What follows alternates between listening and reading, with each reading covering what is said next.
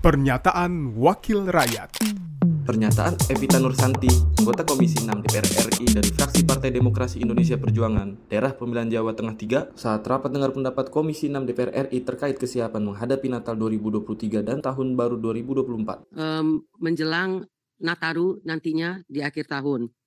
Tentunya dari apa yang disampaikan saya hanya mengingatkan satu saja bagaimana kita mengedepankan keselamatan. Itu aja Pak. Apalagi tadi beberapa uh, dirut sudah menyampaikan kita menghadapi tantangan yaitu cuaca ekstrim.